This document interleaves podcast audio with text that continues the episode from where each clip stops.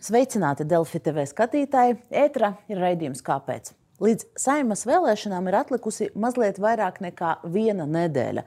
Un daudziem šobrīd ir jautājums, kā lai izvēlās par ko balsot. Un šodien ar ekspertiem mēs runāsim par partiju programmām. Kā tās vērtēt, vai tajās ir ietverti visi valstī svarīgie jautājumi, un galvenais, vai solījumi vispār ir izpildami. Šobrīd ar ekspertiem mēs diskutēsim, bet sākumā neliels ieskats tajā, kā notiks saimnes vēlēšanas un kā tajās jābalso.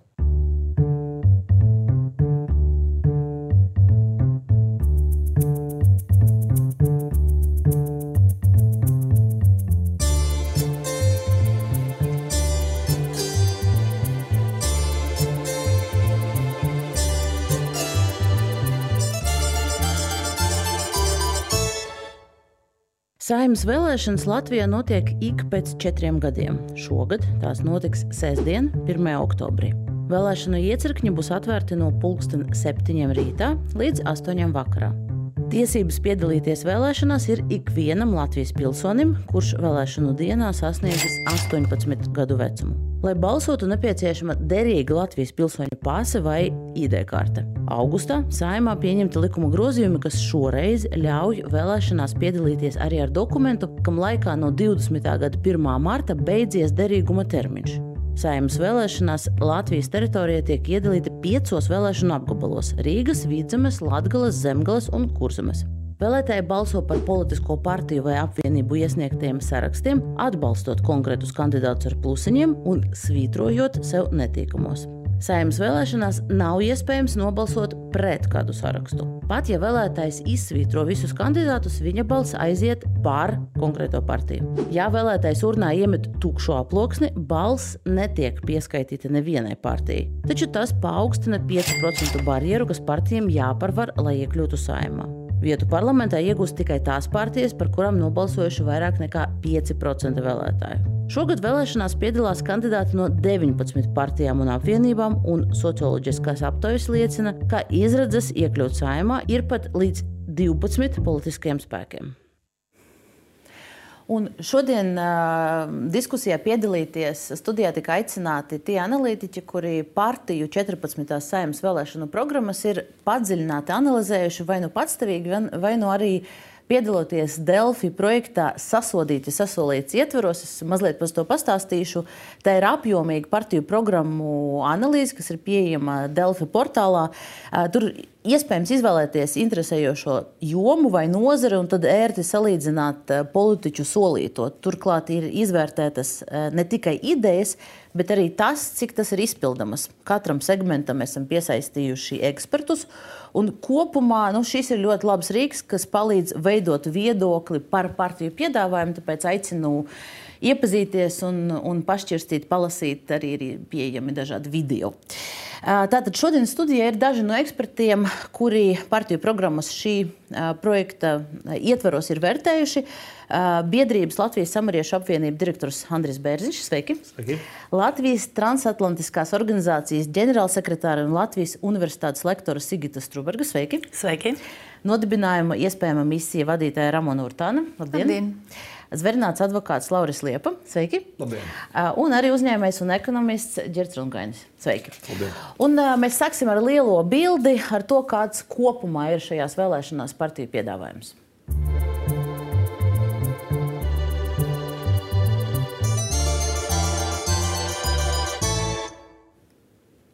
Tātad viena no izmaiņām šajās vēlēšanās ir partijiem piešķirtais valsts finansējums. Laikā, kad debatēja par šo ideju, tika runāts arī ne tikai par to, ka šis finansējums varētu palīdzēt atbrīvoties no sponsoru naudas, bet izskanēja arī arguments, ka Iespējams, partijas terēs naudu politikas kvalitātei. Domnīcas, pētījumi un tā tālāk, lai to piedāvājumu veidot kvalitatīvu. Tāpēc pirmais jautājums man ekspertiem ir, vai mēs redzam kaut kādu efektu, vai tiešām šobrīd nu, tās saturiska kvalitāte partiju programmās ir, ir kaut kā paaugstinājusies. To, uz to var jebkurš atbildēt. Tas nav jautājums vienam, bet, bet visiem.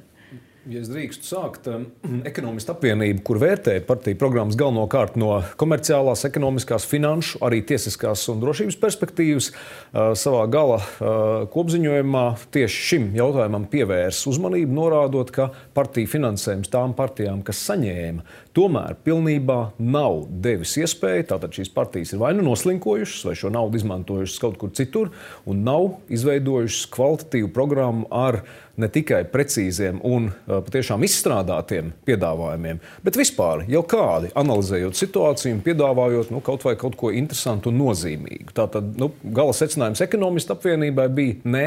Diemžēl valsts finansējums nav izmantots šim mērķim, padziļināt, analizēt politiku un piedāvāt uh, jēgpilnus, izstrādātus risinājumus. Jā, Es gribētu šeit papildināt, jo lasot uh, man programmas, radās tāda divējāda sajūta. Viens ir tas, ka tiešām partijas nav pacentušās un uh, nav pievēršas uzmanību tam, ko raksta, vai arī tās, kas ir pacentušās, ir pievērstas uz uzmanību tam, lai solījumi būtu tik uzmanīgi, lai būtu izpildāmi, vai arī tu nevarētu izmērīt, ir izpildāmi tie vai nav. Un tad otra lieta, vai tas otrs to sajūtu spektrs man bija attiecībā uz mūsu pašu kā vēlētāju atbildību. Jo tas, kāpēc partijas var atļauties slinkot, ir apziņa, ka vēlētājs nelasa programmas. Un tad var atļauties ierakstīt, piedodiet, mums ir partija, kurai programmā ir viens vārds. Sakiet, lūdzu, ko tas nozīmē?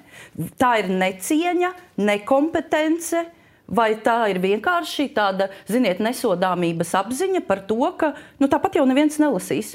Nu, jāteic, laiko, laikā, kad politiķi atnāk studijā un žurnālisti viņiem uzdod jautājumus par to, uh, nu, ok, jums ir bija ierakstīts tur tik darba vietu programmā pirms četriem gadiem, kur tad tās darba vietas nav. Arī tad atbilde no, no politiķiem ir uh, nu, neizpratne, kāpēc vispār tiek prasīts, jo nu, šī ir jau tikai programma. Es saku, nu, atbildot uz to jautājumu, es centos uh, Eh, atcerēties pēdējos četrus gadus, lai saprastu, nu, kur tās domnīcas ir bijušas, kurās es, es būtu bijis aicināts piedalīties, vai tās, tās politiskās sarunas. Protams, mums ir bijušas sarunas ar, ar, ar um, esošiem politiķiem, kas kaut kādā veidā nozari pārstāv. Nu, gan ar labklājības ministru, gan ar, gan ar, gan ar saimas eh, kolēģiem, jā, bet, bet īstenībā nu, tādas partiju iniciētas domnīcas, kurās notiktu pārunas par kādiem būtiskiem jautājumiem, es nevaru atcerēties. Tā, nu, vismaz manā jomā tādas nav bijušas īstenībā droši vien ļoti laba doma. Vai vajadzētu, vajadzētu par viņu ik pa brīdim atcerēties arī starp vēlēšanu periodu, jo, kad pienāk vēlēšanas, tad, protams, mēs satiekamies. Bet, ja mēs runājam par, par, par partiju programmu saturu, tādā plašākā izpratnē, vai jūs esat pamanījuši, ka ir kāds tāds populārs temats, par kuru runā visi, kas visiem ir svarīgs? Jūs mājat ar galvu, tad jā, kāds tas ir? Jā. Es, es esmu tas vēlētājs, kas vienmēr lasa partiju programmas. Un, un, un šajā gadā iedziļinoties, es novēroju divas lietas. Viena lieta - partijas cenšas norēģēt uz trīs galvenajām lietām, kas šobrīd notiek izglītībā - valsts valoda, izglītības satura reforma un pedagoģa atalgojums. Un otra lieta, kas ir absolūti nemainīgās vērtības, Saimnes vēlēšanās ir finansējums augstākajai izglītībai un izglītības kvalitātei. Un tas arī šajās partiju programmās izpildās. Um, tas, kas tev atšķir uh, starp partijām, ir spēja precīzāk uh, vai mazāk precīzāk noformulēt rādītājus. Uh, un, uh, un, protams, ir partijas, kuras turpina izmantot tādas liet, tādus vārdus kā um, mēs iestājamies vai uh, ir nepieciešams lielāks finansējums. Es domāju, mēs visi varam piekrist, ka mēs par, iestājamies par izglītību un ir vajadzīgs lielāks finansējums. Es domāju, tā ir tā, tā piesardzība, caur kuru partijas cenšas izbraukt, jo par to jau nevar nesist. Nu, vēl ir vārds veicināsim. Veicināsim. Ļoti populārs. Stiprināsim. Stiprināsim. Katrā jomā droši vien ir kaut kādas savas tādas top tēmas. Ja, nu, labklājībā viennozīmīgi visās partijās ir kaut kas teikts par, par, par pensijām. Nu, tur ir, protams, tur gradācijas, jā, bet, bet jā, nu, tas ir tas, par ko nu, tie, kas vispār kaut ko raksta, tomēr kaut ko ieraksta. Nu, par tēmām, jā. jā, mēs, mēs vēl atsevišķi runāsim gan, gan par, gan par izglītību, gan par labklājību, bet vai vēl ir kaut kas, kas ir tāds eh, nu, vadmotīvs tam visām programmām šobrīd? Un galvenais, vai tas, jūsuprāt, atbilst uh, nu, pieprasījumam, vai, vai, vai, vai politiskās partijas reaģē uz to sāpīgāko, kas šobrīd ir? Ja es, es arī drīkstētu pievienoties. Um, nu, manuprāt, jau tomēr ir tā, ka uh, tikai tās partijas, kuras jau ir bijušas pie varas uh, kaut kur un atrodas politikā ilgāku laiku, izturās atbildīgi pret šīm programmām.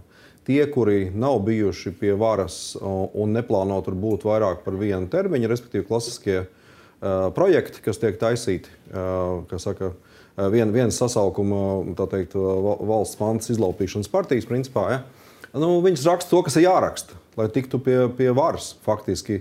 Un tā formula ir tāda, rakstam, kas jāraksta, lai tiktu pie varas. Ja, ja noveicās, tad pēc tam pateiksim, nu kā, nu mēs jau ne, ne, mums nebija 51%, vai arī mēs nevadījām koalīciju kā minimums. Un, līdz ar to faktiski viņi izturās absolūti bezatbildīgi. Tikai tie, kuri ir, saka, uztver to nopietni, jo ir bijuši pie varas, zina, ka par to būs jāatbild. Zina, ka būs jāmēģina tas izpildīt, vai, vai jātaisnojas. Tie raksta kaut ko daudz maz, bet ir skaidrs, ka tā vai citādi, nu, tās, tās programmas jau tomēr uh, arī ir viens dokuments visiem. Nu, uh, visiem ir jāraksta Bībele, principā, ja? Uh, nevis dažas rindiņas. Teiksim. Bet tā populistiskā vienas, vienreizēja piedāvājuma procents vai īpatsvars ir, ir palielinājies šo nu kā, šo, šobrīd ar citiem, ir, ir, citām vēlēšanām? Šobrīd ir milzīgs bloks ar, ar partijām, kuras izskatās, ka ir veidotas vairāk vai mazāk vienā vietā. Faktiski, un, un kuras ir teikt, vērstas pret Latvijas drošību, pret līdzdalību NATO un, un tā vai citādā veidā katra no savas puses mēģina torpedēt faktiski tos Latvijas neatkarības, pastāvības un arī ekonomikas pīlārus ja, visādos veidos. Un tam, tam par tām. Par es viņu tiem... balsu zagļiem. Jā. Jā, tieši tā. Uh, Un tas, kas vēl daudzām no šīm partijām viendienēm ir raksturīgs, ka programmas ir pilnas ar gānīšanos par to, ka viss ir slikti, narratīvs viss ir slikti, mēs visi mirstam, tautai nav nākotnes. Un, un, un, un brīžiem tas pat man, manā personiskajā skatījumā kaut kur balansē jau pat ar naida runu, kas principā būtu nepieņemami. Ja? Nu, piemēram, izmetīsim muļķus no sājumas un tam līdzīgi. Ja? Nevis ko mēs izdarīsim, bet kaut kādas pilnīgas apli, aplamības, kas ir vērstas, lai uzrunātu neapmierināto vēlētāju, kurš nelasa tālāk un neinteresējas, Ko tad jūs, draugi, darīsiet, eh, tad, kad jūs nosacīti tos muļķus izmetīsiet? Par šīs tad, eh, nu, jūsu izpratnē būtu tas sarkanais karoks, uz ko būtu jāskatās un, un nu, uzmanīgāk tad, tad ir jāvērtē. Absolūti, absolūti. Un, un ne tikai tas, tas, ko noteikti vēl vajadzētu skatīties, ir, vai tie solījumi ir vispār iespējami, kā tādi principā, ko maksā šie solījumi. Un te Liepskungs noteikti pēc tam varēs daudz papildināt par, piemēram, konstitucionālajām izmaiņām, ja? Kas šajās viendienēs partijās ir milzīgā skaitā tautas vēlas prezidents un viss pārējais. Ko tas vispār nozīmē? Vai vēl labāk referendumi pašvaldību līmenī? Nu, tas ir kas vispār? Ja? Nu, tā nav slikta ideja patiesībā. bet jautājums ir par izmaksām un par tām reālajām, nu, par realitāti. Ja? Druscīt arī saskari ar realitāti. Un tas nav vienīgais, kas parādās. Tad, tad nesap, nu, tas ir uzreiz ir tā, jābūt tam sarkanajam karogam. Draugi to vispār var izdarīt.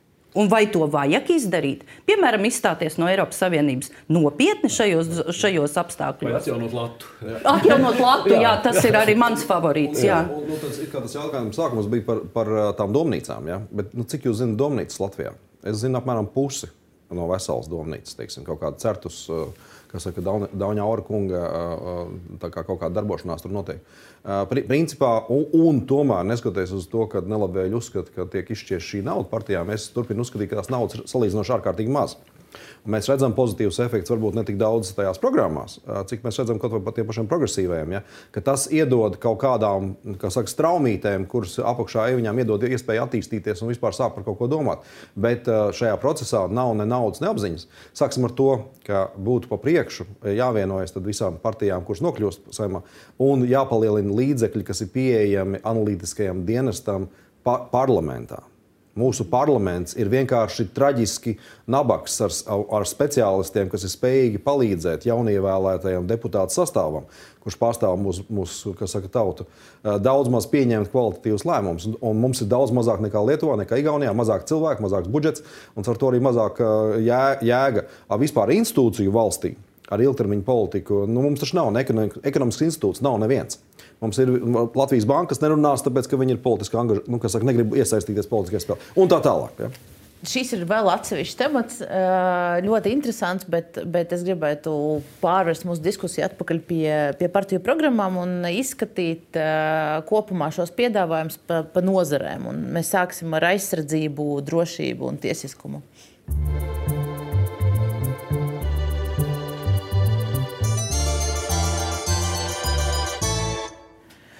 Un mēs jau iesākām ar tiem, par tiem sarkaniem karogiem, bet, ja mēs skatāmies tieši uz valsts drošību un aizsardzību, uz kādiem atslēgas vārtiem jūs, jūs ieteikt skatīties, nu, no otras puses, ja, ja, ja kāds no vēlētājiem, kas mums šobrīd skatās vai vēlāk klausīsies, ja šim vēlētājiem tiešām aizsardzības drošības aspekts nu, šķiet tas primārais, pēc kura vērtēt programmas, tad kādi ir tie atslēgas vārdi, kas programmas ir jāmeklē, vai piedāvājumi, vai temati?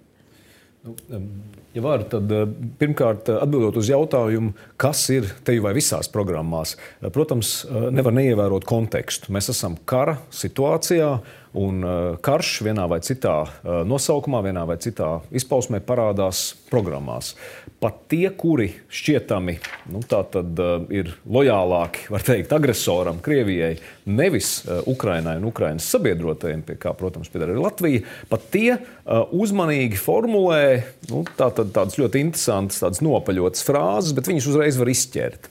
Ja jūs prasat, kas ir atslēga vārdi, tad, protams, atslēgas vārdi ir aizsardzības kapacitāte. Eh, dalība aliansē, nu, tātad apzīmējums tad, ja NATO. NATO pieminēts, tad tas jau ir labs. Pieminēšana vēl pats neko nenozīmē pats, pats par sevi. Svarīgākais ir saprast, kāda ir šī dalības NATO, kāds ir šis formulējums. Un atkal neizceļot īpaši nevienu partiju, ir pilnīgi skaidrs, ka ir partijas, kuras saka, tā tad ir jādod pat vairāk nekā šī gada budžetā. Nu, kas faktiski arī alianses līgums paredz. Ja, tas pat īsti nav diskutējams. Ja kāds saka, nē, nemaksāsim, tad ir skaidrs, ka kāds, kāds vienkārši tieši vai netieši grib teikt, ka mēs stājamies ārā. Uh, jo uh, tā ir starptautiska saistība, ko Latvija kā valsts ir uzņēmusies, iestājoties uh, aizsardzības aliansē NATO. Otra lieta, protams, ir tā apziņa, kura parādījās jau Ukraiņas kara pirmajos, pirmajās nedēļās, ka, ja mēs paši nebūsim spēcīgi un nebūsim gatavi sev aizsargāt, tad neviens ārējs aizsargs mums nepalīdzēs. Tātad šeit, eh, protams, ir jāskatās arī, kādā veidā un cik realistiski ir tie piedāvājumi stiprināt eh, Latvijas pašas aizsardzības spējas. Eh, un otrs, ko arī drošības ziņā ir jāvērtē, kādā veidā tiek vērtēta Latvijas informācijas telpa. Tātad, kādā veidā mēs pirmkārt aizsargājamies no melīgas un nepatiesas informācijas, un kā mēs stiprinām neatkarīgu informācijas avotu darbību Latvijā. Ja, tā, tas, zināmā mērā, attiecās varbūt uz jūsu jomu, uz mēdījiem, uz žurnālistiku, bet tas ir kritiski svarīgi, un to mēs ļoti labi redzam. Mēs redzam, ka Ukraina uzvarēja informācijas karā jau pirmajās dienās. Nu, jāteic, ka programmās mediju atbalsts ir nu, gandrīz nav pieminēts. Ļoti, ir, ļoti retām. Jā, partijām. netieši, bet ir, un tas, protams, ir ļoti augsti jāvērtē, jo tā ir daļa varbūt no citas plašākas tēmas - pilsoniskā sabiedrība. Pilsoniska sabiedrība var būt tikai, ja tā ir informēta sabiedrība, kurai ir uh, ne, neatkarīgu mediju mediju sniegts materiāls analīzē un kritiskam vērtējumam. Un kas ir arī ļoti interesanti, tāda vispārēja tendence, ir bijušas vēlēšanas, kur tiesiskums, cīņa pret korupciju, cīņa vai, vai, vai mēģinājums uzlabot tiesisko un tiesību sistēmu ir bijis te vai dominējoši daudzām partijām, tad šobrīd tiesiskums vairs tik skaļi neskan. Ir dažas partijas, kuras turpina tradicionāli, nu, tātad tie, kas vienmēr ir sacījuši, tiesiskums mums ir svarīgs, cīņa pret korupciju mums ir svarīga, tie turpina, bet jau nedaudz zemākā tonī, kas kaut kādā ziņā liecina par to, ka mēs esam uz pareizes ceļa un tur īpaši radikālas pārmaiņas netiek prasītas, vai arī varbūt vēlētājs tās nesagaida šobrīd. Ja jūs, ja jūs liekat bloku tiesiskums, drošība, iekšējā ārējā drošība, tad, protams, tur dominē ārējās drošības faktors. Un tad, protams, ir arī tas, nu, var teikt, sabiedrības integrācijas jautājums, kas arī varbūt ne tieši, bet attiecās uz drošības jautājumiem. Vēl mazliet par aizsardzību, atgriežoties Jo nu, ir, ir izskan vārdi stiprināt eh, profesionālu un motivētu iekšlietu un dienas darbu, piemēram, eh, būvēt eh, robežu, turpināt sadarboties ar NATO. Kā lai vēlētāji saprota, kas no, tā, kas no visa šī komplekta vai, vai piedāvājuma galda ir, ir, ir tas, kur, nu, kur tiešām tā aizsardzības tēma tiek ņemta nopietni? Nu, Pirmkārt, es gribētu teikt, pirms par to nopietnumu, ka, manuprāt, vēlētājiem būtu ļoti uzmanīgam jābūt ar atsevišķām partijām, kas vispār klusē par drošību. Jo es pajautātu sev, kādēļ šajā ģeopolitiskajā kontekstā ir klusums atsevišķu partiju uh, programmās. Un, un, un, un te, te tiešām mani tas ļoti dara ļoti uzmanīgu. Un tāpat arī uh, uzreiz atverot Krievijas Savienības jā, uh, piedāvājumu, redzot, ka uh, ir vēlme atjaunot Kremļa mediju darbību Latvijā. Tas ir tas, ko Liepas kungs teica. Ja? Priekš, man, priekš, es domāju, priekš cilvēka, kurš domā par Latvijas informatīvo drošību, tas ir absolūts sarkanais karoks. Nu, tad, tad, tur jau vairs skaidrāk nevar pateikt. Ja? Tad, kas attiecās uz noti, nopietnumu un NATO, nu, pirmkārt jau jāsaka, ka partijas neko grandiozu nesola un, un varbūt, ka paldies arī, ka nav nekādu radikālu solījumu, kurus nevar izpildīt attiecībā uz darbību iekš NATO.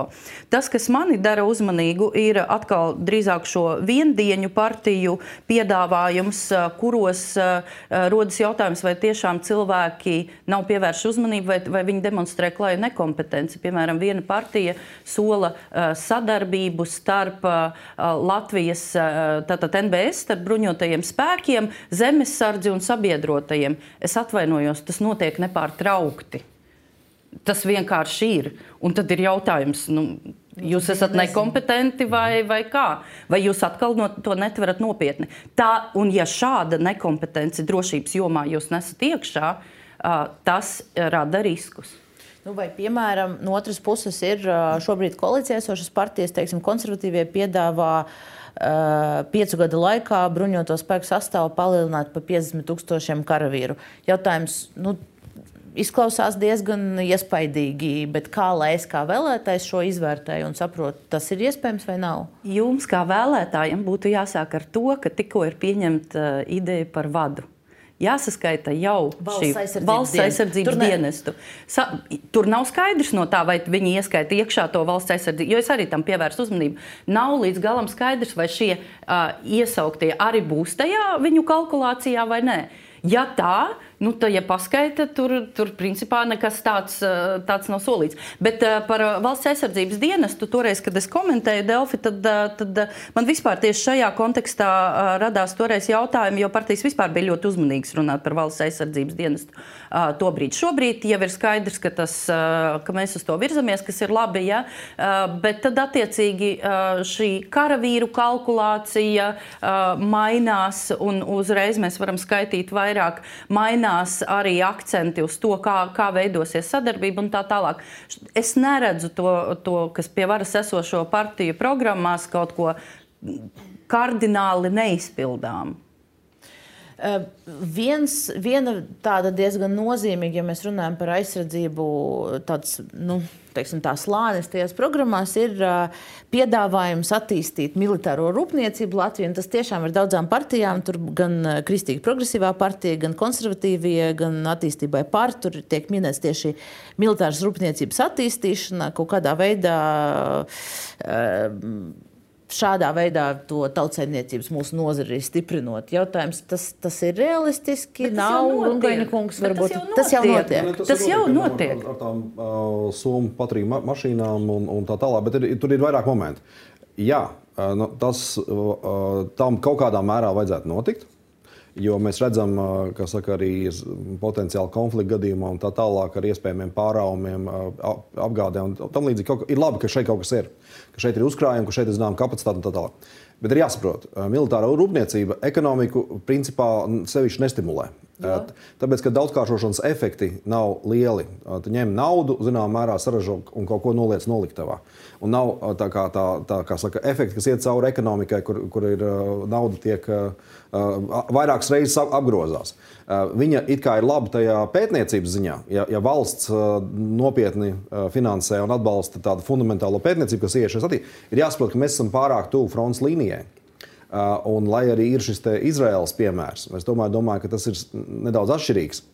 Uh, un uh, varbūtība, ka šeit nu, kaut kas ļoti varētu tikt būvēts un attīstīts, un ka tas varētu ļoti palīdzēt mūsu um, tā teikt, ekonomikai es skatos skeptiski. Ir piemēri, bu, ir un būs. Igauniem ir teiksim, kaut kādi zināmi veidojumi, ir skaidrs, ka arī būtu labi, ja mums būtu kaut kas ar droniem vai kaut šīm jaunajām tehnoloģijām, kaut kādi elementi. Bet, bet kopumā to nevajadzētu pārspīlēt, manuprāt. Nu, vienlaikus no aizsardzības viedokļa raugoties, arī mums ir veiksmes stāsti ar droniem. Starp citu, Latvijas uh, uzņēmēji ir tie, kas nebaidās uz Ukrajinu pie, piegādāt dronus, atšķirībā no rietumniekiem, kas bieži vien baidās, uh, baidoties par to, ka viņu tehnoloģijas tiks nozagts. Ja? Līdz ar to mums ir veiksmes stāsti un mēs varam lepoties. Tāpēc bieži vien man liekas, ka partiju programmās, atgriežoties pie programmām, uh, tas ir drīzāk stāsts par to, ka viņi zina, ka tas jau tiek realizēts. Ja? Nu, nu kā, var, nu, kā var nesolīt to, kas notiek un labi izskatās, ja? pārfrazējot klasiķi. Savukārt, tas, kas drīzāk eh, vēl man liekas, kam vajadzētu pievērst uzmanību, ir tas, eh, kā partijas skatās, un šeit gan arī vadošajām partijām trūkst tāda skaidrāka formulējuma. Tas ir par visaptverošo valsts aizsardzību, kas ir aizsākts process, bet, diemžēl, tur ir ļoti daudz darba vēl darāmā. Un šeit vienīgie, kur, kur es esmu redzējis, piemēram, izceltu iedzīvotāju lomu krīžu, krīžu uh, gadījumā tie ir progresīvie, lai gan es ticu, ka, ka arī pie tiem plašākajiem formulējumiem uh, vēl bija uh, vienā vietā visaptvarošā valsts aizsardzība, bet uh, visticamāk tur ir apakšā, bet tas nav skaidri noformulēts. Un, ta, un tas ir tas, kas man trūkst. Jo faktiski tas, kas ir šajā ģeopolitiskajā kontekstā svarīgi, ir tas, ka mēs visi zinām, kā rīkoties krīzes situācijā, mēs zinām savu lomu un atbildību, mēs zinām, kur vērsties. Un, uh, mēs arī zinām, kā, uh, kā valsts ar mums sadarbosies. Un šī iztrūkst. Nu, kā saka, attiec, attieksme pret dienestu. Ob, ob, obligāti ir, ir tas lakmus papīrīts vai robežu šķirtne viens. Un attiecībā uz NATO vai tas ir formāli? Vienkārši nu, mēs esam NATO un mēs sakam, nevaram neteikt tā tālāk. Vai, vai, vai arī ir runa par padziļinātu sadarbību, sadarbību un sadarbības attīstību tālāk un tā tālāk? Nu, jāteic arī pie nevaram neteikt, ka mēs. Uh, turpinam sadarboties ar NATO. Tas arī ne visām partijām ir. Bet vēl, vēl uh, neliela piebilde par, par iekšējo drošību. Uh, ir dažādas idejas, kā tad, uh, nu, es pat nezinu, kā to noformulēt, bet, bet nu, ir, ir partijām punkti programmā, kas piedāvā vienā vai otrā veidā nu, teiksim, tā, vērtēt eh, cilvēku uzskatus vai lojalitāti. Konservatīvie piedāvā paaugstināt, valstī, eh, paaugstināt algu valstī lojāliem policistiem, robežsargiem un ugunsdzēsējiem. Eh, Nacionāla apvienība atkal runā par to, ka ir jāskatās, kāda tad ir viedokļi ārvalstu pilsoņiem un tiem, kuri atbalsta Kremļa politiku, tos ir jāizraida no valsts. No tiesiskā viedokļa, no, no kaut kāda praktiskā viedokļa, tas ir kaut kas izpildams, vai tas atkal ir nu, teiksim, tā, ielikts programmā, jo vēlētāji to pieprasa? Nu, ir, ir vairākas, eh, runājot tieši par tiesiskumu un uh, iekšējās drošības jautājumiem. Tā skaitā ir vairākas partijas, kuras nāk klajā ar diezgan tādām radikālām un, jā, kāpēc ne, tehniski izpildāmām lietām, bet var jautāt par to, vai tās ir tiesiskas. Ja, ja piemēram, viena partija aicina atcelt vai likvidēt satversmes tiesu kopumā, nu, manuprāt, tā tad nepiedāvājot vietā kaut kādu jēgpilnu risinājumu, bet tikai piedāvājot to kā negatīvo formulu, tad es aicinātu ļoti uzmanīgi uzmanīgi izturēties pret šo Latviju pirmā vietā piedāvājumu. Attiecībā uz Nacionālo partiju vai nacionālo orientēto partiju aicinājumu kritiski vērtēt ārvalstnieku nostāju, tas ir sagaidāms. Tas tiešām nepārsteidz, jo nu, tas nav pretrunā ar viņu daudzu gadu nostāju. Jautājums, vai tas atbilst satversmē, vai tas atbilst, piemēram, nu, teiksim, tām. Uh, pamattiesībām, kas katram cilvēkam ir, tā skaitā uz viedokļu paušanu. Eh, tas, ka valstī eh, bija jau jāveic lustrācija, par to nav diskusija. Jā, varbūt jau ir par vēlu un tā tālāk. Tas, ka eh, gan ierēģiem, gan īpaši drošības un, un, un, un aizsardzības dienestu cilvēkiem ir jābūt lojāliem, par to arī nav diskusija. Jā, tā, kā tad, lai mēs to panākam? Vai tiešām nu, nu, to, to, to viņa lojalitāti? Mums ir bijuši vairāk tādi, diemžēl, kritiski gadījumi. Tāpat laikā atbalsta demonstrāciju laikā par labu vai, vai atbalstot Ukrāņus, ja, kur uh, cilvēki, kas ir saistīti ar policiju vai ģimenes locekļi, izturās klāji pretvalstiski šādā kontekstā. Ja, tā tad līdz ar to šī nu, Nacionālās apvienības aicinājums kaut ko darīt kritiski ir, uh, tam ir pamatojums. Ja? Tas ir jādara, protams, dienestu vadībai. Tas ir jādara tiem cilvēkiem, kur atbildībā ir uh, Tā skaitā iekšējie, iekšējās drošības dienestu organizācijām, kuras, jāsaka, tā līdz šim laikam tomēr nav darījušas savu darbu, ja šie incidenti notiek neviens vien. Ja. Pirms mēs noslēdzam šo sadaļu uh, par, par valsts drošību, viens pēdējais jautājums. Uh, par, par izglītību, Urtāns kundzei, par, jo, jo ir, ir programmas, kurās ir runāts arī par valsts uh, drošības kaut kāda veida ieviešanu skolu programmā. Un jautājums, vai, vai tā ir tur pietiekoša, vai tam tur ir jābūt, vai, vai partijas runā par šo nu, tādā veidā, kas jums šķiet pieņemams vai pareizs? Mm -hmm. Teik, lielākoties partijas nerunā par, par, par, par, par drošību kā mācību priekšmetu, um, bet tas, ko, var, ko tiešām var novērot, es teiktu, tādās trīs kategorijās, ir par mācībām valsts valodā. Kur, piemēram, četras partijas ļoti skaidri iestājas par mācībām valsts valodā kā, kā vienīgo. Um, atļaujiet būt konkrētai. Jā, jā, um, jaunā vienotība, konservatīvie, Nacionāla apvienība un attīstībai par. Man liekas, ir diezgan bīstams formulējums divām partijām, kur viņi ļoti ir pārdomājuši vārdu formulējumus, radot iespēju, ka viņi ir neitrāli. Tā ir Zaļo un Zemnieku savienība un Saskaņa. Un ir divas partijas, kas ļoti skaidri iestājās par, par divvalodību. Un vienā gadījumā pat diezgan agresīva, un tā, protams, ir Krievijas Savienība un stabilitātei. Un stabilitātei bez šī agresīvā, vēl principā šis formulējums mācības visiem dzimtajā valodā. Es atvainojos, cik mums ir dažādu bērnu ar dažādām dzimtajām valodām. Tas tiešām ir nopietni. Ja?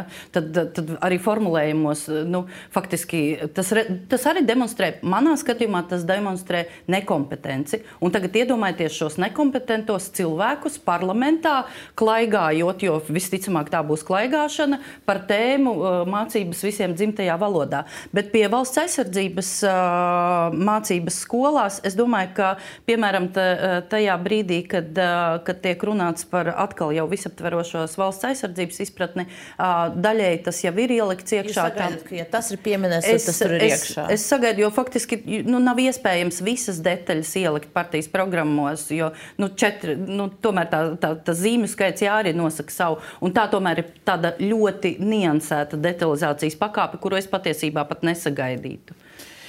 Un, e, Šobrīd es gribētu pavirzīt mūsu sarunu no, no drošības uz. Mēs jau iesākām tematu par izglītību, un kopumā vēl kādu sadaļu no šī raidījuma mēs parunāsim par to, kā partijas piedāvā tērēt visu nodokļu maksātāju līdzekļus un dažādās jomās, kas prasa ieguldījumus.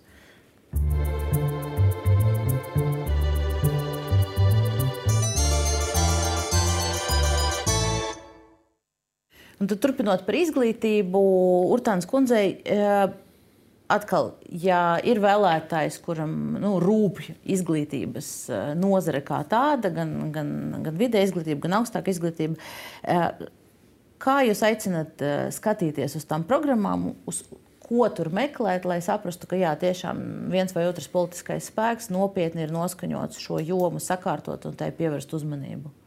Es aicinu skatīties uz, uz, uz, uz programmām uh, caur, uh, caur bērnu perspektīvu, ko es ar to domāju.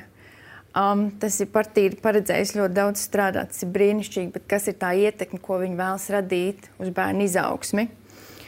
Un, uh, un, un šeit ir, ir dažādi interesanti piedāvājumi. Un, un, un ne, ne par visiem es varu, protams, pilnībā arī piekrist. Um, nevar nepieminēt, uh, piemēram, attīstībai pārpiedāvā um, valsts vidusskolas, kas nozīmē, ka Izglītības un zinātnes ministrija kļūtu par dibinātāju.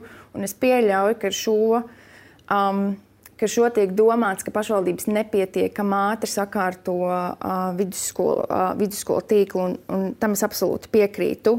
Bet arī tam ir liela trūkuma. Ja ministrija kļūst par, par, par dibinātāju, mēs to redzam arī um, attiecībā uz tehnikumiem un koledžām. Tas trūkums ir, ka tas ir pārāk un, tas ir vai... centralizēti, un skolas nesaņem pietiekamu pietiekam atbalstu nekavējošu atbalstu. Um, tajā, lai, lai piedzīvotu arī pārmaiņas uh, skolā. Es domāju, ministrijai ir, ir, ir citas funkcijas, bet es neuztver, nedomāju, ka ministrijai ir jākļūst arī par skolu dibinātāju. ja mēs runājam par vispārēju izglītību.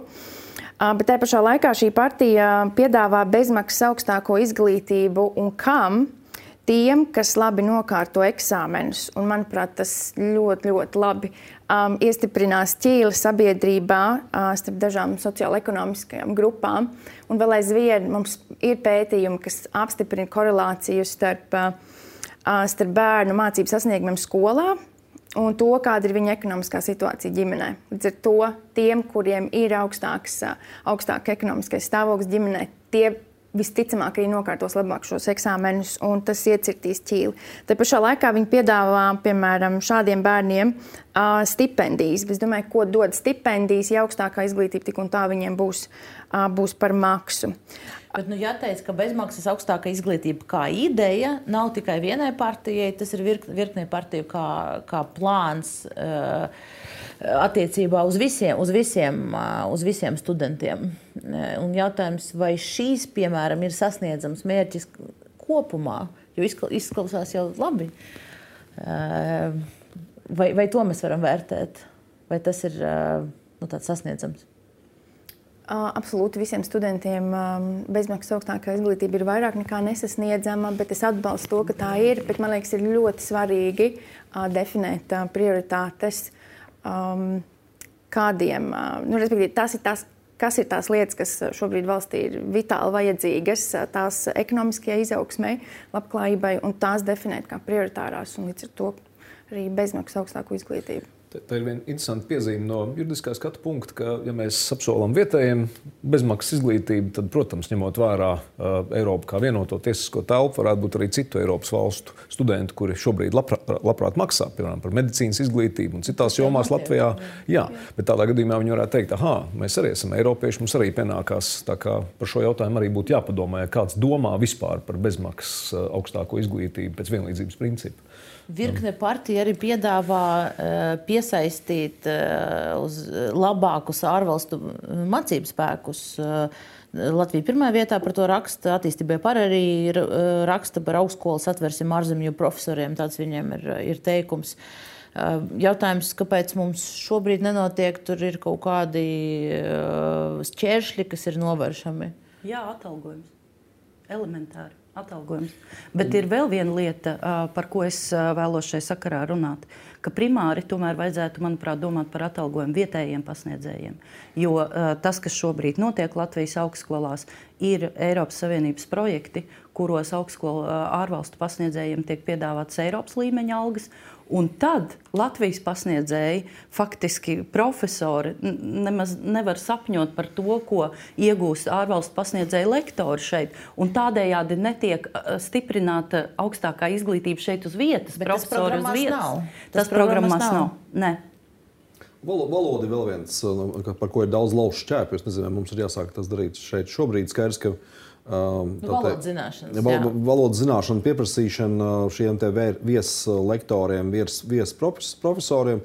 Un, protams, tur no vienas puses ir ceļš, tāpēc, ka parlamentā vēsturiski ir bijuši diezgan daudz uh, universitāšu pasniedzēju, uh, vai pirms vai pēc. Uh, tad eh, viņi ir viņi aizstāvējuši savus cundas eh, intereses, iespējams, dažkārt pārāk centīgi. Un ir skaidrs, ka kaut kādos virzienos, kaut, kādām, kaut kādai kustībai tur jābūt. Bet, protams, lai, lai mēs piesaistītu tiešām šo, bet tā pašā laikā skaidrs, ka, nu, ja mēs latviešu valodu faktiski tur ir risks, ka viņi var pazust augstākā izglītībā. Nu, tad, proti, mums ir jāsaprot, ka aiz aicinājuma aktīvāk piesaistīt ārvalstu mācību spēkus universitātēs slēpjas uh, atvieglojumi. Viens ir mēģinājumi šeit uh, mācīt krieviski, kas nav Eiropas Savienības valoda. To, tomēr. Uh, otrs ir varbūt nu, saka, nozīmēt, ka attīstība, zināt, latviešu valodas kā zinātnes valodas attīstība izbeigtos. Mums ir jādod vārds Berziņa kungam. tāpēc, tāpēc vēl viens, jo, jo šajā blokā raidījumā mēs runājam par, par, par, par tiem piedāvājumiem, kā lai tērē valsts un, un nodokļu maksātāja naudu. Tad nu, iespējams, ka apjomīgākais, ja mēs skatīsim pēc, eh, pēc tam zimju skaita, vislielāk ir izterēts uz dažādiem solījumiem eh, par nodokļu pazemināšanu, pabalstu piešķiršanu, pabalstu paaugstināšanu, vienreizējiem pabalstiem un tā tālāk. Un eh, Bežņa kungam es gribēju jautāt, no jūsu perspektīvas, atkal ir, ir vēlētais, kas mēģina saprast, kas no šī visa klāsta ir realistisks. Un nav klasiķa vārdus atkal citējot, kā var nesolīt. Ne, nu, godīgi sakot, ne es uzreiz sākšu ar, ar vairākām tādām axiomām. Pirmkārt, šīs vēlēšanas nav labklājības jomas vēlēšanas. Šīs ir vairāk drošības vēlēšanas, vairāk, vairāk varbūt izglītības vēlēšanas, bet labklājības tēmas eh, nākotne varbūt vēl ir priekšā.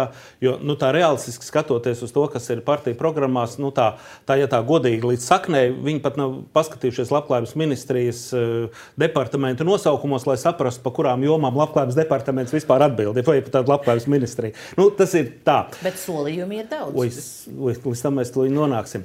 Es, es vienmēr, tā kā, tā kā man saka, nu, ja mēs runājam tā, nu, tā, tā vispārēji, saka valsts līdzekļi, kā mēs tērējam, Es vienmēr to tā personalizēju, saku, tie ir mani līdzekļi. Ja, jo man vienmēr ir svarīgi, ja es izvēlos kaut ko, tad es gribu saprast, jo mani līdzekļi tā ir skaitā, kam tad viņi un kādiem mērķiem un cik racionāli viņi tiks izlietoti. Ja, un, un tā vienmēr tā kā, nu, ir arī viena tāda prizma, ko es īstenībā ieteiktu arī žurnālistiem, kur tad mūsu nauda nonāks. Ja, tā viņi uztver to nevis tā kā trešās personas kaut kāda bezpersoniska līdzekļa, bet manējie. Ja, un tad uzreiz bija vieglāk strādāt.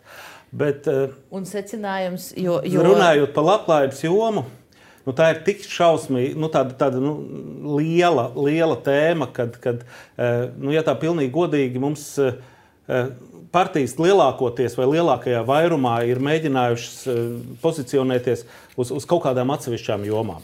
Ja kāds tiešām nopietni vēlās lasīt partiju programmas, tad es pat teiktu, palasiet tos, tos, tos Delfu analīzes komentārus, ko eksperti ir snieguši, bet tad paskatieties arī partiju programmās, jo, jo bieži vien eh, politiķi vai, vai uzstāšanās vai arī raidījumos politiķi pasaka to, ko grib dzirdēt. Un, ja tu gribi dzirdēt pensijas, nu, tad tev viss teiks par pensijām. Ja? Jo pensijas jau ir viens no tādiem, tādiem eh, ejošiem dzirdziņiem, par ko runā visi. Eh, piedzimšanas pabalsta, demogrāfijas attīstība ir top numur divi, ja, bet arī lielākoties viss ir dienas kārtības jautājums. Visiem ir kaut kāds viedoklis, visi atbalsta, visi par demogrāfiju slikti. Bet, bet, bet ja tā, nu, tā pāanalizē kaut vai to pašu pieliekam pensiju, tad kas notiek ar, ar neapliekamo minimumu? Kas notiek ar to situāciju, kad ļoti daudziem ir sociālai pakalpojumi? Parādās situācija, ka viņiem tie pakalpojumi vairs nepienākās, ja viņi pārsniedz kaut kādas robežas. Tas, tas jautājums ir ļoti komplekss. Ja? Un, un, un, godīgi sakot, no tām visām partijām. Laikam tikai trīs partijas ir kaut kur savos, savos piedāvājumos iekļāvušas frāzi sociālai pakalpojumi. Un tie bija progresīvi attīstībai par un laikam ZZS. Laikam viena no partijām, kuru es nerekomendēju balsot, bet vispār bija pieķērusies tādai tēmai, kā uz, uz uh, individuālu pieeju balstīt, vai tīri izcinājumi, vai, vai modernās tehnoloģijas, kas ienāk arī, arī, arī, arī labklājības jomā. Jo lielākoties visi tie solījumi ir balstīti viens pabalsts, Jo pabalstu ir mums ļoti daudz. Mēs varam izvēlēties vienu mērķu grupu un pateikt, labi, šodien mums interesē pensionāri, rīt mums interesē jau māmiņas, eh, teiksim, eh, kas, kas audzina bērnus, bērnus, kas ir ar, ar, ar funkcionāliem traucējumiem. Tā kā nu, te ir tiešām tāda eh, pārdošanas prasme, ja, kā cilvēki pozicionē sevi kaut kādā, kaut kādā auditorijā. Un ir, ir arī melīgas organizācijas, nu jau pieminētā uh, solidaritāte ne, vai, vai stabilitāte. stabilitāte. Jo visur viņi saka, ka viņi ir par, par labklājību, ja, bet tad, kad tu izlasi viņas programmu, ja, tur nav neviena punkta par labklājību. Nu, nav. Ja? Bet savukārt tēvzemē brīvībai, kas it kā pozicionējas vairāk ar citām tēmām, viņiem pirmie četri prioritāšu jautājumi ir saistīti ar labklājību. Tas vienmēr ir tāds jautājums, kurā vietā partija nu, noliek tos, tos, tos, tos, tos uh, jautājumus.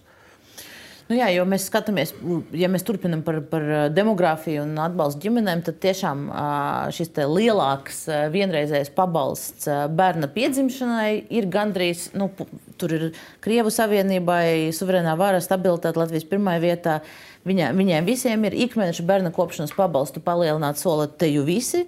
Tāpēc jā, nu, jāsaprot droši vien, kā tad, kur, jā, kurš varēs to realizēt vai, vai kāds vispār varēs jā, nu, vērtēt, vērtēt pēc tā, kas ir ierakstīts šobrīd, nu, kādi, kāda fantāzija ir bijusi solītājiem, tad es teiktu, ka tur man ir divi, divi, divi, divi nominanti, numur viens un numur divi, kas bija rekordisti solīšanā. Tur jau bija viena, kas bija sasolījuši arī bezmaksas transportu no 60 gadiem un, un daudz visā citāds jauks lietas. Ja? Tā kā pilnīgi nereālistisks lietas. Tad šīs ja? ir sarkanais karogs. Uh, pārāk daudz, pārāk daudz labumu.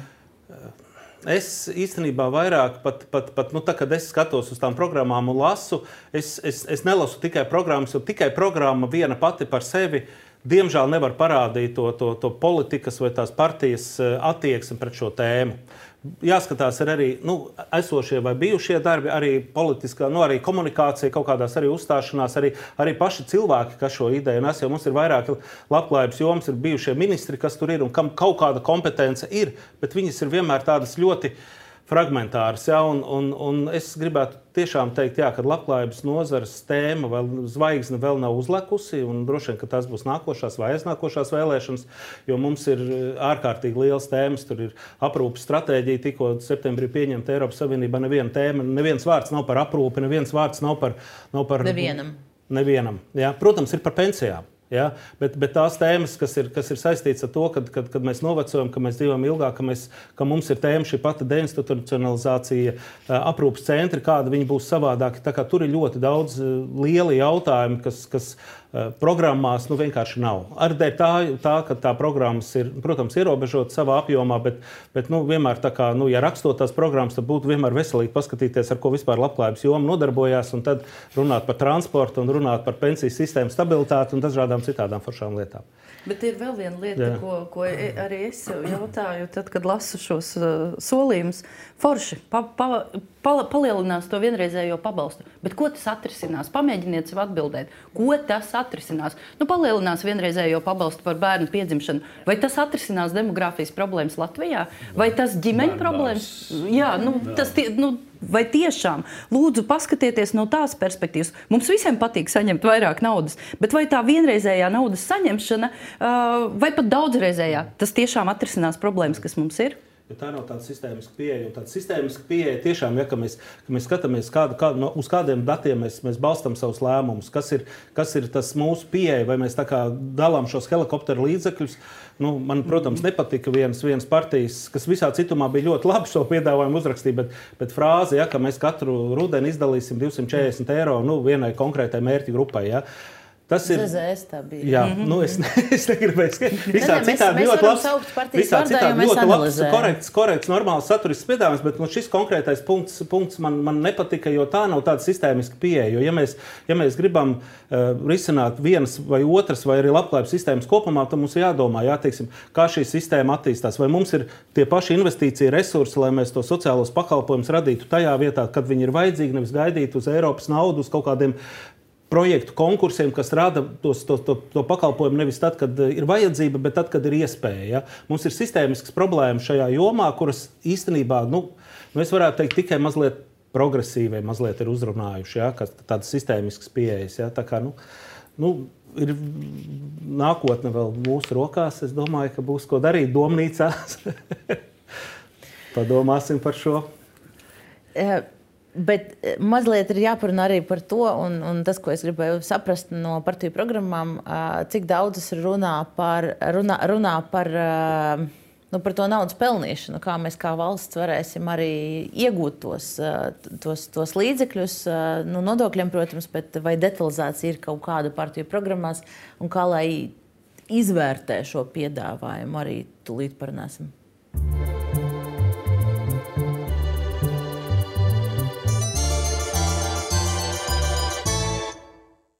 Un šis droši vien ir Rungaņa kungam jautājums, eh, vai, vai jūs saskatiet partiju programmas skaidru vīziju par to, nu, kā mums palielināt tos budžeta ieņēmumus valstī, nu, lai spētu attīstīties, spētu dažus no tiem solījumiem vismaz pildīt? Ir, ir bet salīdzinoši es teiktu, ne, nedaudz. Jo tas, kas ir nepieciešams, ir tieši tā. Mūsu problēma ir tāda, ka skaidrs, ka mums ir augsti izdevumi, ir daudz vajadzību mums kā sabiedrībai. Un, un daudzās lietās vajag vairāk, katrā sektorā faktiski. Ja? Un kā par to samaksāt? Tas veids jau ir, ir tikai vairāk nopelnīt, un tas nozīmē faktiski nopelnīt, radot globāli konkurētspējīgu preci, pakalpojumu vai piedzīvojumu, ko tu pārdod pasaulē. Maksātspējīgajā pasaulē pirmkārt jau. Un pārāk lielā mērā mēs redzam šo pārdali.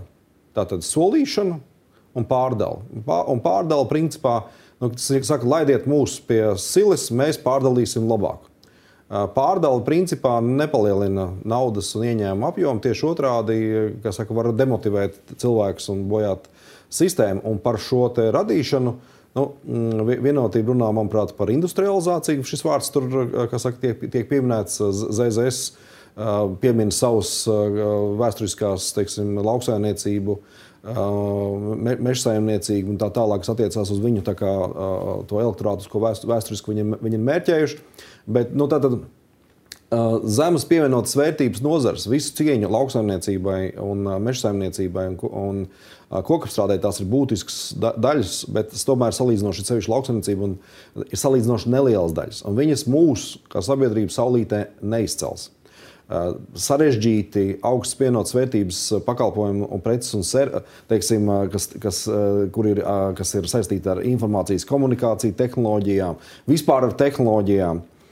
Tehnoloģijas nav. Nav nevienam. Jā, un, un tehnoloģijas, un arī nu, kā dabūt tos, lai, lai būtu tās ražotnes, lai būtu tie uzņēmumi, ir vajadzīgi cilvēki kuriem ir tās dabas zinātņu zināšanas, ir vajadzīgs, lai viņi saka, iegūst skolā un novirzās dar, dar, un aiziet uz augstskolu to darīt. Tad šeit ir tā auglīgā vide, lai tie uzņēmumi varētu rasties. Un tad ir tālāk jāskatās, vai tiem uzņēmumiem šeit ir tā labākā situācija. Jo nu, vien, viens, kas arī bija maz, maz vai gan nemaz pieminēts, ir ēnu ekonomikas samazināšana. Viena no tām mazajām partijām, kurā visādi citādi bija pilnīgi neiedzīga, bet, bet faktiski nu, tas nozīmē, nozīmē, ka tajā nu, salīdzinot šo partiju, kuras ir pie varas un kurām ir lielāks izredzes kļūt pie varas, viņas nerunā vairs par šo tēmu tik izteikti, bet vēl joprojām ēnu ekonomikas īpatsvars mēs esam kā sabiedrība zaudējuši desmitiem miljārdu eiro ēnu ekonomikā, salīdzinot ar mūsu kaimiņu valstīm. Tas ir viens no mūsu atpalīdzības cēloņiem. Un skaidrs, ka, protams, lielos vilcienos nu, tie ārkārtas solījumi tiks samaksāti aizņemoties bet šie aizņēmumi tiks atgriezti no nodokļu ieņēmumiem, kas tiks iekasēti lielākoties tieši vai pastarpināti pirmkārt no uzņēmējdarbības no tām darba vietām, ko rada uzņēmējdarbības, un no tām algām, ko uzņēmēji samaksā radot šīs preces attiecīgi cilvēkiem, ko cilvēki tērē pēc tam.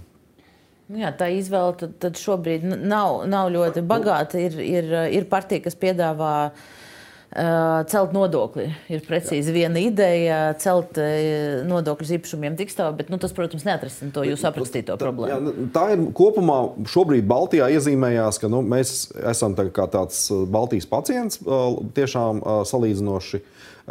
Ekonomiskā izpratnē, jo, jo, jo koproduktā uz iedzīvotāju mēs esam arī jau, jau krietni aiz Lietuvas, kas pie tam tā, tas noticis tieši pēdējos uh, 11 gados, bet tas viens no iemesliem, kas iezīmējās, ir tas, ka dēļ tās pārdales, kas notika apmēram līdz 2008. gadam, un kas izraisīja to reakciju nu, pastiprinātā korupcijas apkarošanā un li, ārkārtīgi smagnējā likumdošanā un uzraudzībā, lai to nepieļautu.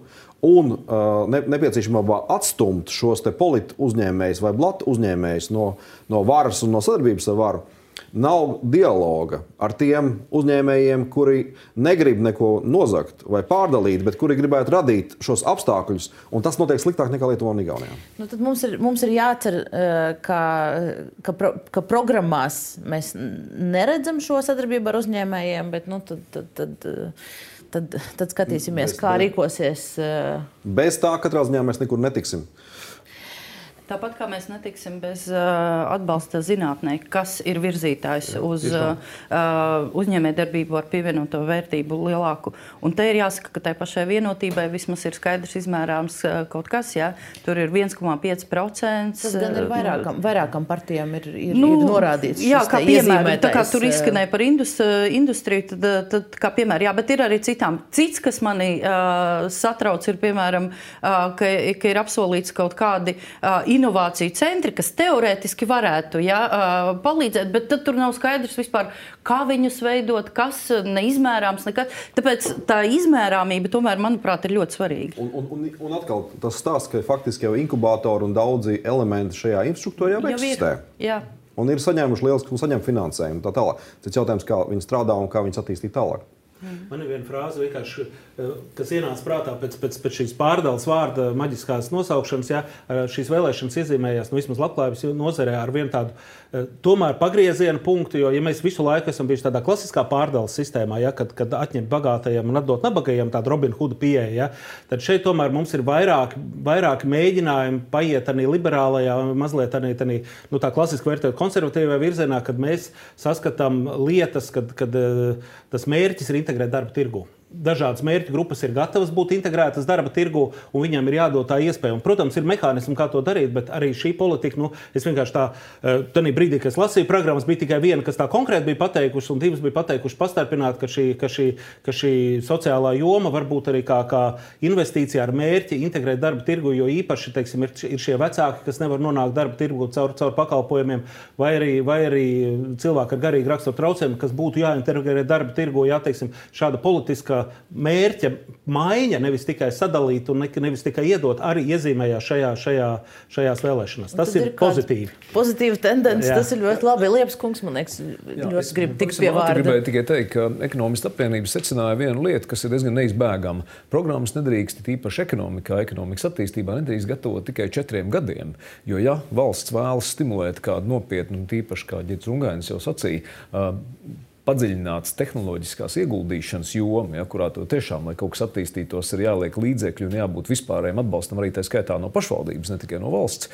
Tam ir jābūt ilgtermiņa programmai. Tātad tas, kas pietrūks programmās, ir stratēģija. Ja, tā tad ir fragmentāri priekšlikumi, ir daži tiešām vērtīgi, daži ir absurdi priekšlikumi. Nav vērts par to runāt. Nav lielās stratēģijas, kuru katra partija varētu teikt. Es nāku šeit ne tikai četriem gadiem, bet lūk, mana programma, kurai vajag vismaz 4 plus 4 plus 4. Ja. Tad tas ir lielais trūkums, un atkal atpakaļ pie pirmās tēzes nav uh, stratēģijas, kas būtu izstrādāta zinātniski ar domu, ko dara Latvija, Baltijā un Eiropā. Nu, ceram uz, tiem, uh, uz tām domnīcām, varbūt. varbūt nu, attīstīsies šī jā, doma. Jārada, lai viņas būtu un viņas ir jāfinansē kaut kādā veidā, iespējams, Latvijas apstākļos, kā salīdzinoši tomēr nelielas e ekonomikas apstākļos, lielas valsts, bet ar nelielu iedzīvotāju skaitu un, un kas saka, salīdzinoši vāju. Pagaidām šo kopējo labumu, ko mēs radām, ir valsts, mums ir jāatbalsta. Un šobrīd mēs to nedarām. Un privātais sagaidīt, ka tas radīsies tikai privātajā sektorā, nav nopietni. Nu, mēs izgājām jau uz tādu makro līmeni, un uh, es atgādināšu, ka mēs esam skatāmi arī RTV ēterā, kas ir uh, lineārā televīzija, un tam mums uzliek uh, noteikts ierobežojums. Tāpēc šobrīd uh, es atvadīšos no RTV skatītājiem, un uh, Delfi TV ēterā mēs turpināsim. Jo ir vēl viens makro līmeņa temats, kuru es gribēju ar jums apspriest. Un, jo, un šīs skar kaut ko, ko mēs iesākām jau paša raidījuma sākumā par to, cik tie solījumi un tās programmas kopumā atbilst Latvijas likumiem, satversmei, un vai tie. Nu, vai, tā, vai vēlētājiem ir jāpiedāvā visas programmas, visu, ko politiskās partijas reģistrēts iesniedz, Un eh, šo ideju eh, ir izteikusi eh, viena no Delfī piesaistītājiem ekspertiem, kas projekta sasodīts, sasolīts ietvaros ir vērtējusi programmas Santa Osipova, bijusi satversmes tiesas tiesnese un šobrīd Latvijas universitātes pasniedzēja. Es gribētu likt jums noklausīties viņas teikto, tas gan ir fragments no tādas pagāras intervijas, un tad, un tad novērtēt, vai, vai jūs piekritat, vai tas ir kaut kas, kas, kas ir izskatāms un kā varētu vēlēšanas iespējams nu, mainīt Latvijā. Proti, kā var pieņemt politiskās partijas pieteikumu, ja likums prasa, ka ir jābūt programmai, bet ir partija, kurai ir tikai viens vārds programmas vietā - tautvaldība. Un tad nav skaidrs, bet tautvaldība ir ļoti dažāda. Ir tautvaldība senajās Atēnās, un ir tautvaldība Šveicē, un arī Latvijā ir tautvaldība. Viņa mums jau ir. Kas tad tiek piedāvāts savādāk? Tātad programmas reāli nav. Un šai partijai vajadzētu jau pēc formālajiem kritērijiem neiziet cauri tam sietam, ka viņa tiek pielaista vēlēšanu maratonam. Otrs ir tas, ka ļoti daudzas partijas savās programmās ierosina lietas, kuras šobrīd neatbilst satversmei. Un tad es vērtēju, vai, vai tauta ir tiesīga mainīt satversmi. Protams, tauta ir tiesīga mainīt satversmi pēc formas, neapdraudot to kodolu. Un pēc formas, kas tas ir, vai mažoritārās vai proporcionālās vēlēšanas, patiesībā tur, tas ir izvēle vai tautas vēlēts prezidents vai saimas vēlēts prezidents. Tā ir izvēle. Cik saimā ir deputāti? Tā ir izvēle. Tātad tās ir tādas lietas, ar kurām varētu politiskās partijas iet uz uh, vēlēšanām un ierosināt mainīt. Un, ja viņām ir vairākums saimā, protams, konstitūcijas grozījumi ir smagi, satversmi grozīt nav tik vienkārši kā pieņemt likumu, bet tas ir iespējams. Bet tad ir jautājums par to, vai var pieņemt politisko partiju programmas, kuras iet pret negrozāmo kodolu un taisās ierobežot pamatiesības. Piemēram, pat ja viņi dabūna vairākumu saimā, tad šīs lietas izkrīt, ja viņas nonāk līdz satversmes tiesai, līdz Eiropas Savienības tiesai, līdz Eiropas cilvēktiesību tiesai, ja personai tiek ierobežotas cilvēktiesības. Ir lietas, kuras nedrīkst darīt. Ir lietas, kur ir šīs sarkanās līnijas, uz kurām mēs stāvam, kas ir tās vērtības. Un, ja ir demokrātiska valsts, tad personas pamatiesību minimuma aizsardzība, minimālā standarta aizsardzība ir neaizskarama. Un, piemēram, šeit ir partijas, eh, kuras aicina uz eh, diskrimināciju pēc eh, nacionalitātes.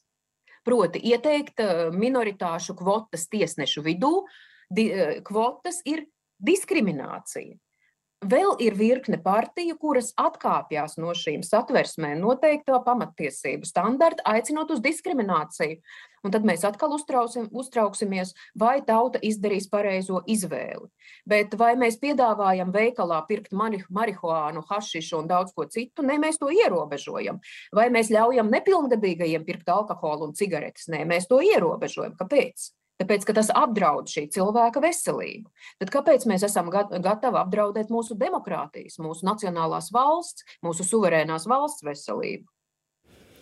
Nu, primārais, protams, gribētu dzirdēt Liepskunga viedoklī par šo, bet es domāju, ka varbūt arī citiem viesiem ir vēlme izteikties. Protams, tas, ko Osipovs kundze piedāvā, ir teiksim, tā, īstenot CVK funkciju un, un lasīt pēc būtības programmas un teikt, nē, no nu, ar šādu piedāvājumu mēs jums vēlēšanās neļausim piedalīties.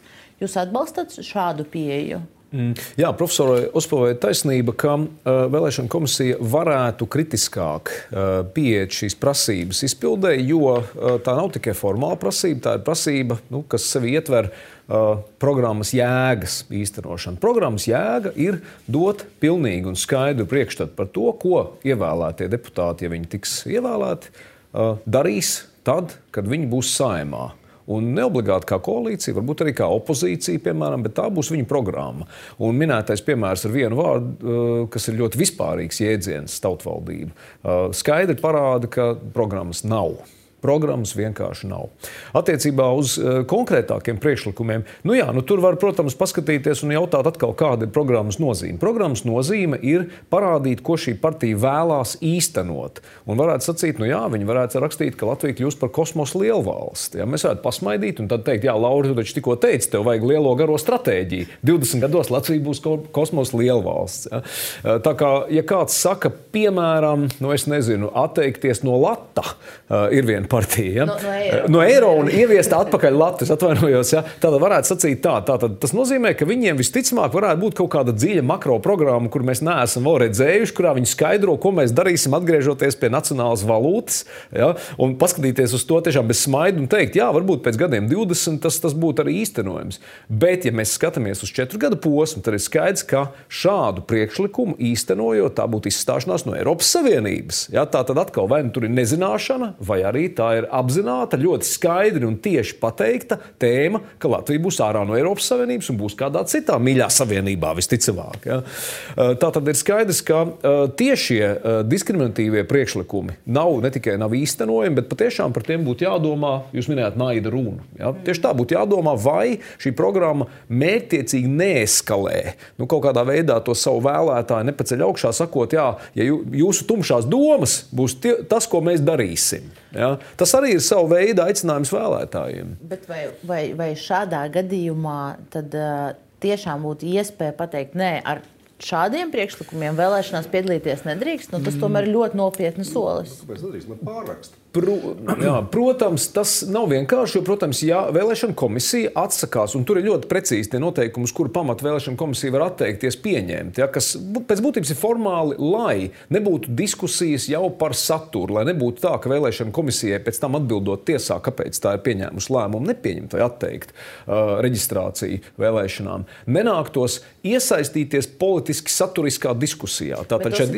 profesors jau piedāvā pēc būtības uh, vērtēt um, saturu? Nu, tas būtu faktiski tā, tā nav tikai profesors ideja. Jau savulaik, kad Latvijā bija tautas nobalsošana par uh, latviešu valodu kā valsts valodu, manuprāt, uh, tā brīža tātad, tiesību zinātnieks, šobrīd valsts prezidents Egils Levits jau sacīja, ka faktiski šāda veida priekšlikumu atbilstību konstitūcijai vai vispār tos var likt uz nobalsošanu, uh, būtu jāvērtē jau vēlēšana komisijas līmenī. Taču ir pilnīgi skaidrs, nu, ka tā ir jau cita līmeņa diskusija, un tāpēc faktiski arī pirms desmit gadiem radās tā satversmes kodola ideja, kur izstrādāja toreiz Konstitucionālo tiesību komisija. Un vēlāk jau tas arī satversmes ievadā tika, var teikt, rakstiskots, jā, formalizēts. Bet skaidrs, ka jautājums ir, vai vēlēšana komisijai vajadzētu uzņemties tā cerbera lomu, vērtējot acīm redzami pretiesiskus noteikumus. Nu, savā ziņā profesora Ospovu kā satversmes ties, tiesnesis priekšsētāji un arī speciālisti šo ideju dod. Tas ir, kā saka, vēlēšana komisijai apsverams. Ja? Tad ir pilnīgi skaidrs, ka vēlēšana komisija nodarbosies arī ar vētīšanu pēc būtības programmās. Jā, nu, man, man šķiet, ka nu, demokrātija ir tik stipra, cik ir stipras institūcijas. Un mūsu problēma, protams, ir vispār sabiedrības savstarpējā uzticība un sadarbošanās un vispārējais. Un arī tas moments ir šajās te, saka, pro programmās skatīties, vai mūsu institūcijas tiek stiprinātas, attīstītas, vai viņas tiek grautas un vājinātas. Un, un, un manuprāt, ir jāsāk, un man tas fokus būtu uz partijām vispār.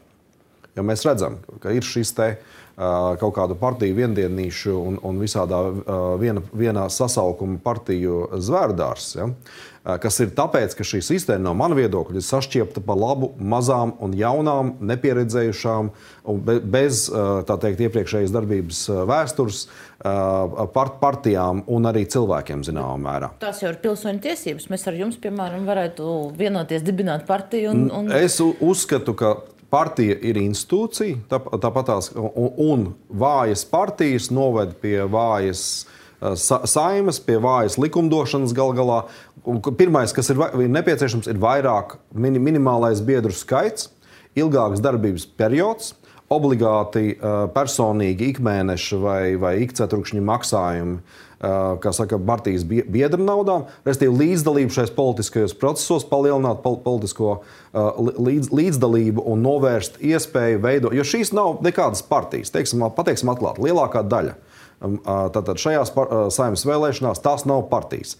Tās ir speciāli vai nejauši veidotas varas iegūšanas grupas ar mērķi nonākt, nonākt pie varas un gūt kaut, no tā kaut kādas labu, labumus. Daļa, liela daļa veidotas ar mērķi, kas saka, tas notiek jau atkārtotas katrām vēlēšanām, visi to zina. Daļa, tur, kā saka, un, un tā tālāk. Bet tā, tā jau ir tā fundamentāla problēma. Tad mēs nonākam pie tautvaldības, pie viena vārda un pie visām šīm nekvalitatīvajām programmām, pie vispār pārējo. Tā ir vēlētāju muļķošana, principā ņirgāšanās par šo procesu, šī procesa vājo vietu izmantošana. Es ierosinu šo padomāt un, un spēt padomāt. Un tur mēs nonākam atpakaļ pie tā, ko jūs teicāt, pie, pie saimas un pie saimnes analītiskā dienesta, cik tur ir un tā tālāk un tā joprojām. Tas ir tas vājums. Ja?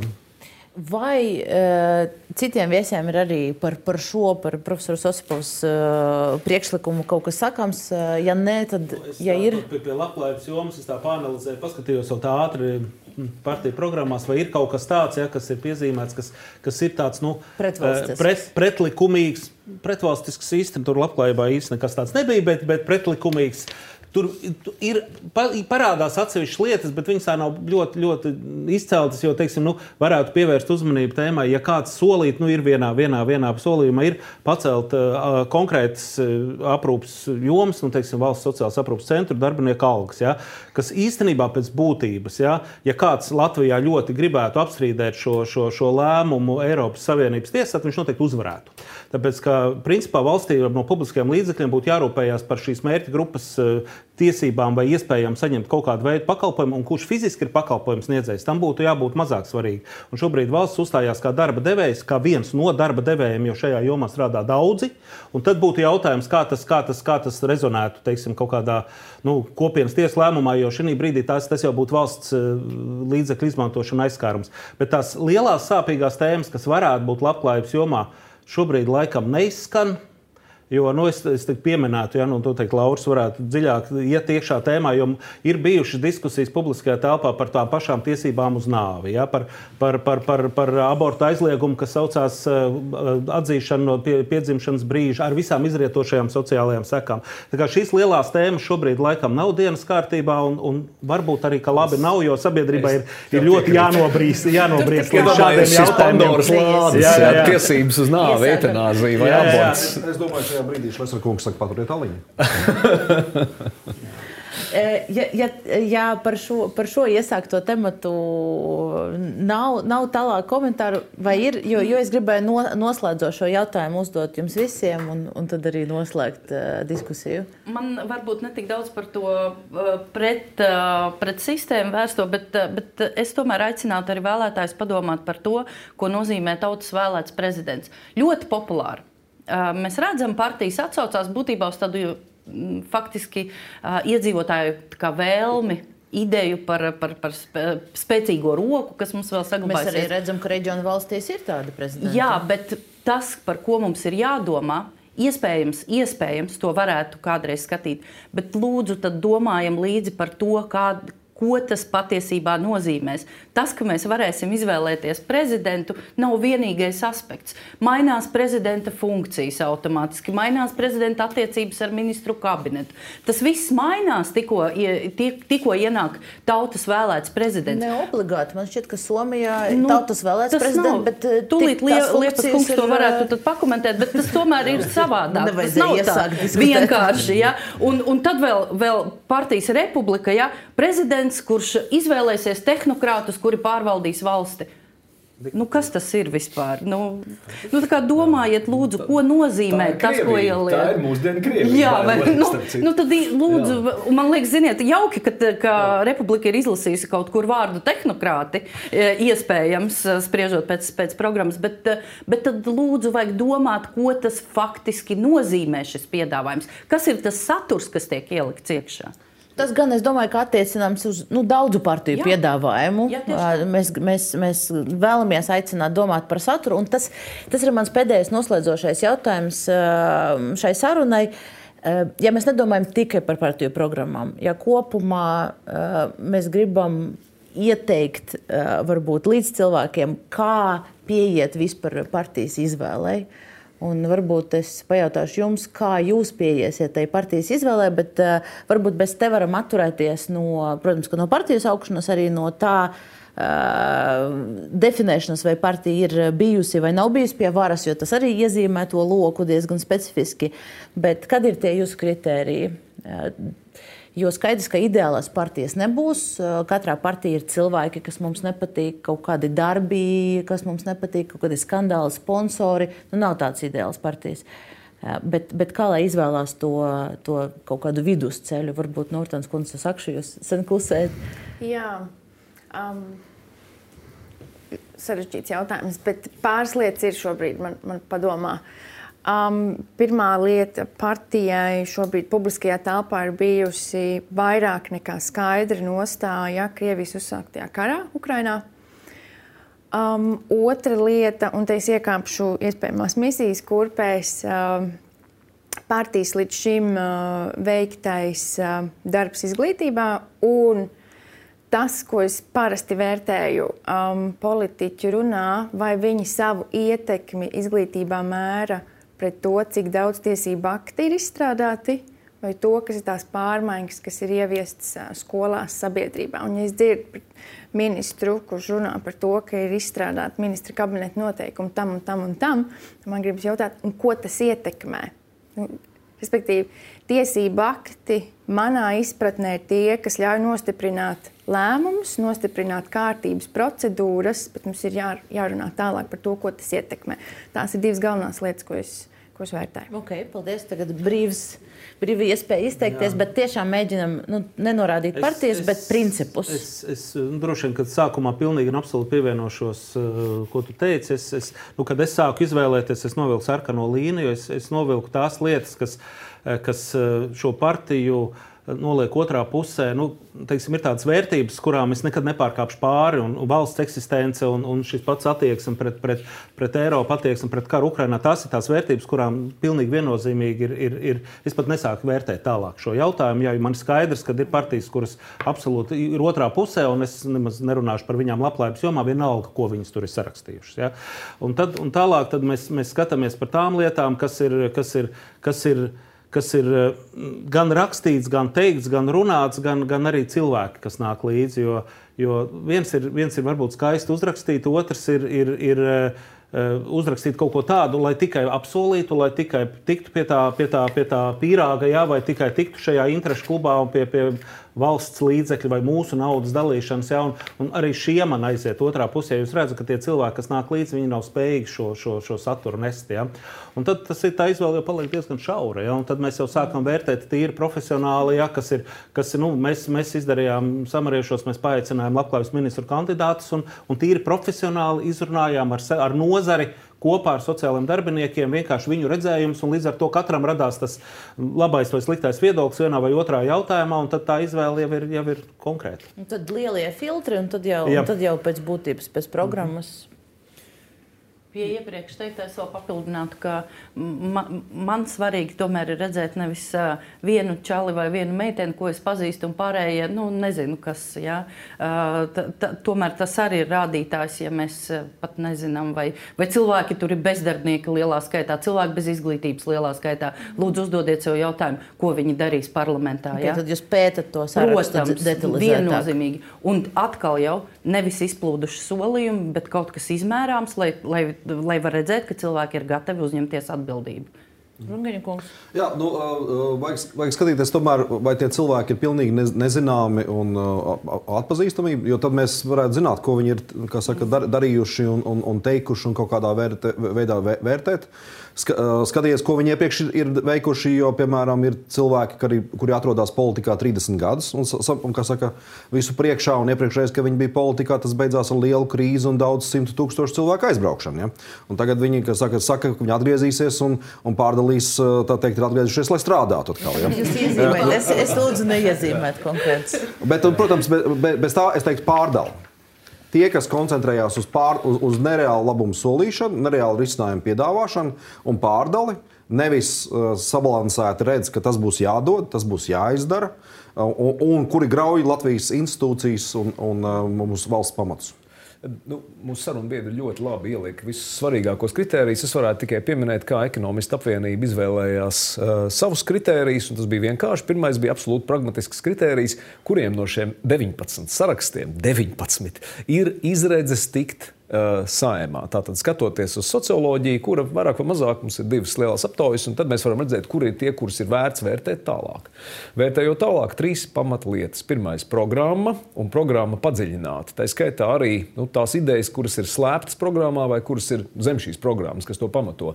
Otrakārt, kandidāti, tas ir līderība uh, un nu, kādi cilvēki. Ja? Un treškārt, realizācija. Tas nozīmē tas, ko šie cilvēki ir jau darījuši politikā, vai arī jau darījuši tajās jomās, kur to var salīdzināt. Piemēram, nevalstiskās organizācijas, piemēram, sabiedriskā darbība, pašvaldības, arī biznesa kaut kādā daļā. Ja? Tātad šie ir trīs lielie kriteriji.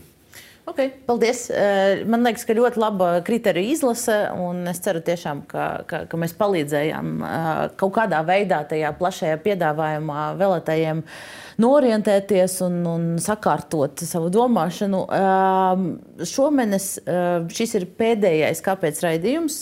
Nākamo reizi šajā formātā mēs tiksimies jau pēc vēlēšanām, bet es īsi pirms atvadīties izstāstīšu, ka Nākamnedēļ Delfi TV ēterā daudz laika, daudz enerģijas mēs veltīsim vēlēšanām. Trešdien, 28. septembrī un arī 30. piekdien, 12. Tiešraidē būs skatāmas priekšvēlēšanu debates.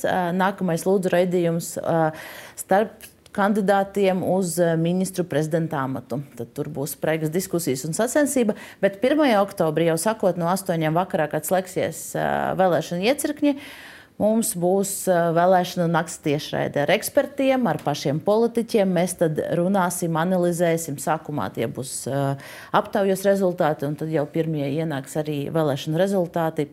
Par tiem tad, tad runāsim un skaidrosim, mēģināsim saprast, kāda tad veidosies tā 14. saima.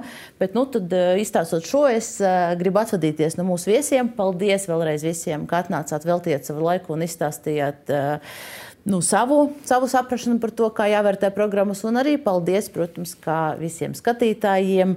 Mēs tiekamies pavisam drīz.